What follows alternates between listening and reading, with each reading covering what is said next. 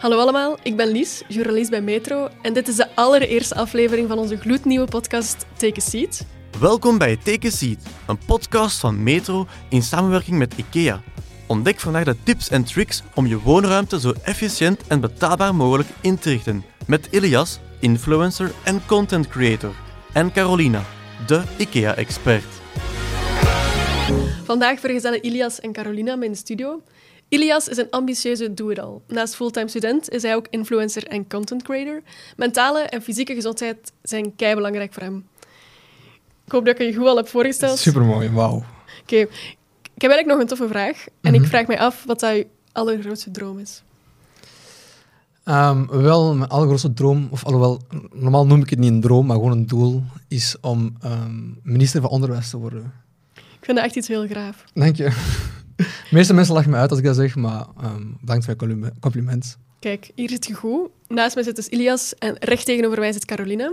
Dat is de expert van IKEA. En ik ben zeker dat jij ook heel veel tips en tricks zal hebben in deze aflevering. Jazeker, uh, wij staan vooral in voor uh, uw ruimte optimaal te gebruiken. We kijken naar, uh, woont je groot, wordt je klein, met hoeveel personen woont je? En daar kan ik wel wat tips voor geven. Dus, Dat is keigoed, want vandaag duiken wij eigenlijk in betaalbare manieren om je interieur in te richten. Toetsen we slimme oplossingen in je woonruimte af en denken we na of co-housen al dan niet de toekomst is. Of je dit al slenterend in de drukke winkelstraten, in de trein of in je luie zetel luistert, we hopen dat je er iets van opsteekt.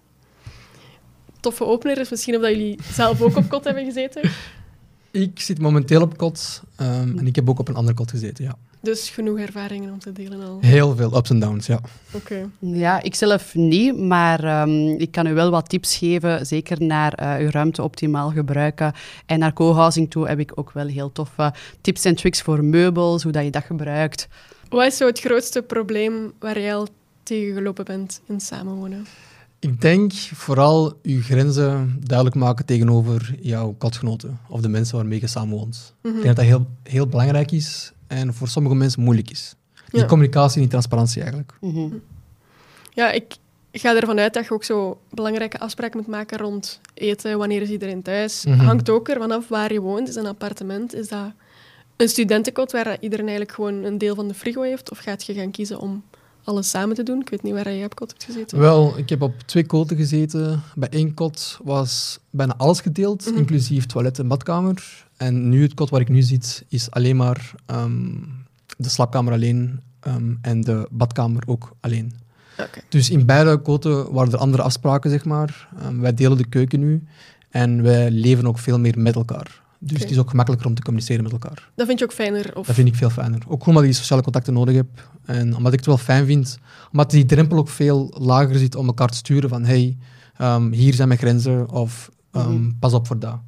En dan communiceren doe je vooral via sturen? Of hebben jullie een of andere gek memoboard of de frigo? Nee, nee, nee. We sturen gewoon Ja. via verschillende sociale media of via WhatsApp. Of ook gewoon... Wij zijn zo close met elkaar dat we ook gewoon kunnen aanklappen bij elkaar. Ja, dat is nice. Dat is heel nice. Want Ja. ik denk ook dat dat voor studenten of voor mensen die samenwonen in het algemeen, want dat wordt ook bij zowel jonge gezinnen als eigenlijk oudere gezinnen gedaan, dat er misschien wel nog andere interessante dingen zijn om te communiceren met elkaar. Ja, ik denk uh, inderdaad, afspraken maken, dat is ook wel key. Maar uh, als je niet direct kunt communiceren met elkaar, je ziet misschien elkaar weinig, kunnen bijvoorbeeld ook een memo-bord gebruiken met afspraken van wie doet de afwas, wie, doet, wie zet de bu- vuilbakken buiten. Ik denk dat er daar ook wel heel veel drama gaat. Uh, ja, dus um, dat is misschien ook wel een, een leuke. Um, bijvoorbeeld je frigo kun je ook verdelen voor mensen die bijvoorbeeld niet altijd samen kunnen koken. Um, ja, iemand heeft bijvoorbeeld andere werkuren. Uh, het is natuurlijk altijd fijn dat je samen kunt koken, maar niet iedereen kan dat. Um, dus uh, we hebben ook verdelers, bijvoorbeeld voor in kast. Uh, iemand zijn lievelingscornflakes die niet ineens op is. Ik denk dat het daar belangrijk is dat je dan ook uh, afspraken maakt. Um, en als het niet gaat via communicatie of via een WhatsApp-groepje, kan dat direct op een, een memo-bord of een andere. Ja. ja, je hebt communicatie nodig terwijl dat je op kot zit. Maar natuurlijk ook voor dat je daar effectief gaat wonen, moet er ook heel veel geregeld worden. Ik denk dan aan welke inrichting gaat je doen als je, ja, als je eigenlijk ge- gezamenlijke ruimtes hebt. Ja. Is dat bij jou altijd vlot verlopen? Um, wel, Weer al, het is gewoon de communicatie die ons heeft geholpen, zeg maar. Um, in de gemeenschappelijke ruimtes hebben we er echt voor gekozen om samen zeg maar, te beslissen wat en waar we dingen gaan plaatsen. Dus um, ik heb ook vooral het werk aan de vrouw gelaten, omdat die het beter konden dan ik. ik ben daar veel te simpel voor. Maar we hebben telkens wel zeg maar, samen afgesproken wat we gingen halen en waar we die gingen plaatsen in de keuken bijvoorbeeld. Is er dan een groot verschil tussen je de gemeenschappelijke ruimte en je kamer? Of... Ja, ja, het is mijn kamer super simpel. Um, maar het is, de ruimte is zo beperkt, zeg maar, dat ik niet echt mijn creatieve vrijheid te loop kan laten gaan. Dus ik ben erg wel beperkt, zeg maar, in wat ik zou willen doen. Ja. Want mijn muren zijn best wel kaal, omdat ik eigenlijk iets heel groots zou willen, of een heel groot kunstwerk aan de muur zou willen plaatsen. Maar die muur is gewoon echt te klein daarvoor. Ja. Dus... Ja, dat is een probleem bij heel veel uh, mensen die co-housing doen. Hè. Dus bijvoorbeeld, uw leefruimte is meestal gemeenschappelijk, maar uw privéruimte is meestal heel klein. Uw slaapkamer bijvoorbeeld werkt bijvoorbeeld in de hoogte. Uh, als je een kast hebt, kun je daar perfect nog planken boven zetten. Daarin uh, in verzamelen opzetten en daar bijvoorbeeld, ik zeg maar, uh, uw winterkleren insteken in de zomer of omgekeerd. Uh, ja, denk echt in de hoogte. Uh, bijvoorbeeld opklapbare stoelen voor als je vrienden in je kamer wilt. Je wilt even apart zitten. Je hoeft niet altijd in de gemeenschappelijke ruimte tegen de muur van die opklapbare stoelen. er komen vrienden op, je zet ze open. Dus gebruikt je, ja, je ruimte optimaal. Ja, dat is zo moeilijk. Ja. ja. Zeker nu, omdat je net aankaart met die winterkleren enzovoort. Zeker omdat we in België wonen. Ik heb alle seizoenen heb ik liggen op kot gewoon. Ja, omdat het elke dag gewoon iets compleet anders is van weer. Ja.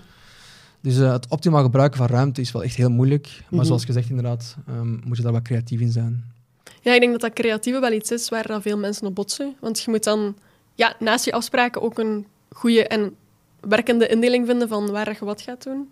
Want ik denk dan ook, als ik ga nu ook verhuizen. En ik heb dan een keuken van 25 vierkante meter. Maar daarin ga ik gaan moeten koken. En ik zou dat ook graag willen gebruiken als bureau. Wat dat dus maakt dat ik multifunctioneel moet inzetten op een kleine ruimte. Maar hoe begint je daaraan? Ja, dat is een hele goede vraag eigenlijk. Maar wat ik daarnet nog wat even inpikken, vooral in uw, in uw, uh, in uw uh, gemeenschappelijke ruimte, zou ik daar wel eens zien naar de mensen toe van gebruik uw hoofdproducten en je basisproducten wel uh, sowieso um, neutrale kleuren. Omdat het anders echt een cacophonie gaat worden. Iedereen heeft een andere stijl. Um, dus dat is een hele belangrijke. En dan voor u willen bijvoorbeeld uh, werken. Mm -hmm. Maar uh, je wilt dat dan bijvoorbeeld in een gemeenschappelijke ruimte doen. Pak dan de eettafel bijvoorbeeld, zet daar wielen onder en neemt het mee naar een ander plekje waar je dan wel rustig bent. Um, en geeft dan je meubels een dubbele functie. Um, dus uh, dat is misschien een tip. dat is wel al een goeie. Ja. Want ik ben ook op zoek... Ik ga samen met mijn lief, dus wij moeten op zoek gaan naar een plek waar wij kunnen studeren en waar we ook kunnen eten. Maar we willen dat zo'n beetje gescheiden houden zonder dat dat heel saai wordt of zonder dat je zo heel ja, neutrale kleuren, ik ben daar wel voor, maar ik wil ook niet dat dat heel saai wordt. En dat is dan zo... Ik kan me wel voorstellen dat je iets simpel doet, maar ja. je wilt zo... Ja, maar je kunt nee. het oppimpen bijvoorbeeld met je accessoires, hè. Ja. Dus uh, ja, je leeft met heel veel verschillende mensen, verschillende stijlen, dus... Ja, van mij mocht jij daar ook een gekleurde zetel zetten, hè, maar ik denk dat je daar een compromis in moet sluiten, dat het toch nog wel ja, gezellig blijft. Uh, dat is toch wel belangrijk, Ja. dat je je thuis voelt ook, hè. Ja. Ja, ik ben ook aan het denken aan het financiële plaatje. Dus ik denk echt aan het financiële plaatje en hoe dat je dat best aanpast. Hoe doen jullie dat kot? Wel, um, ik, bij mijn vorige kot heb ik eigenlijk, ben ik gewoon bij Ikea geweest en heb ik echt alles tegelijk gekocht. Um, maar dat heb ik nu niet gedaan. Ik heb nu gekozen om meer geleidelijk aan alles te kopen om te zien wat beter past enzovoort. Zodat ik een betere keuze kan maken en um, zo optimaal eigenlijk te werk kan gaan.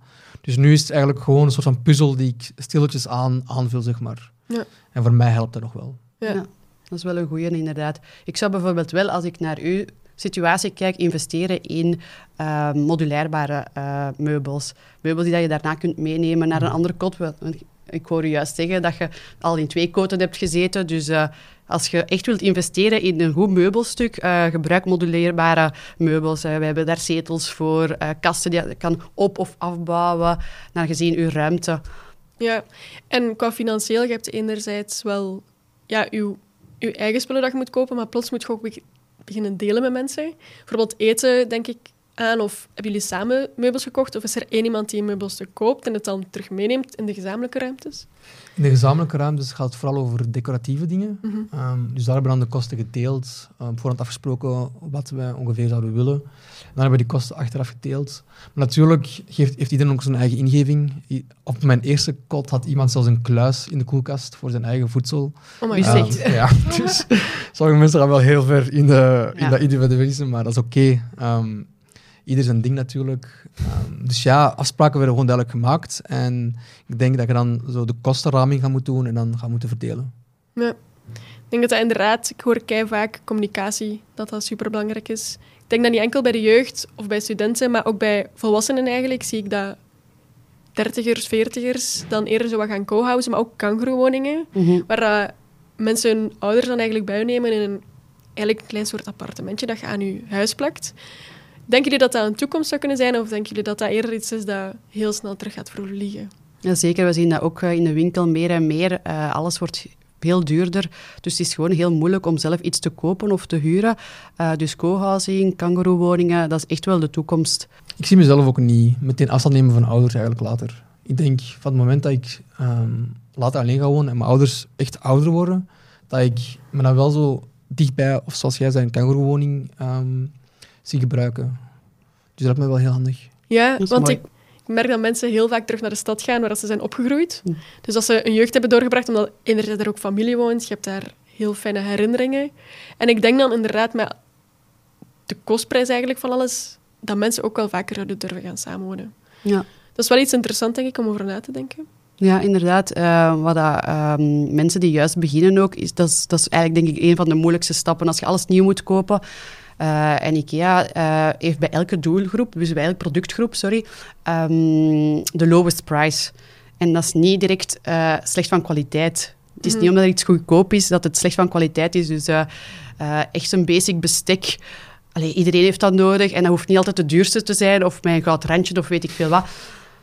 Ja, eh, dat zijn echt kwalitatieve stukken eh, die je direct kunt aankopen. Ehm, want ik, ik merk wel, eh, mensen die juist willen beginnen, dat is wel een heel groot budget. Hè? Alles wat je nieuw moet kopen.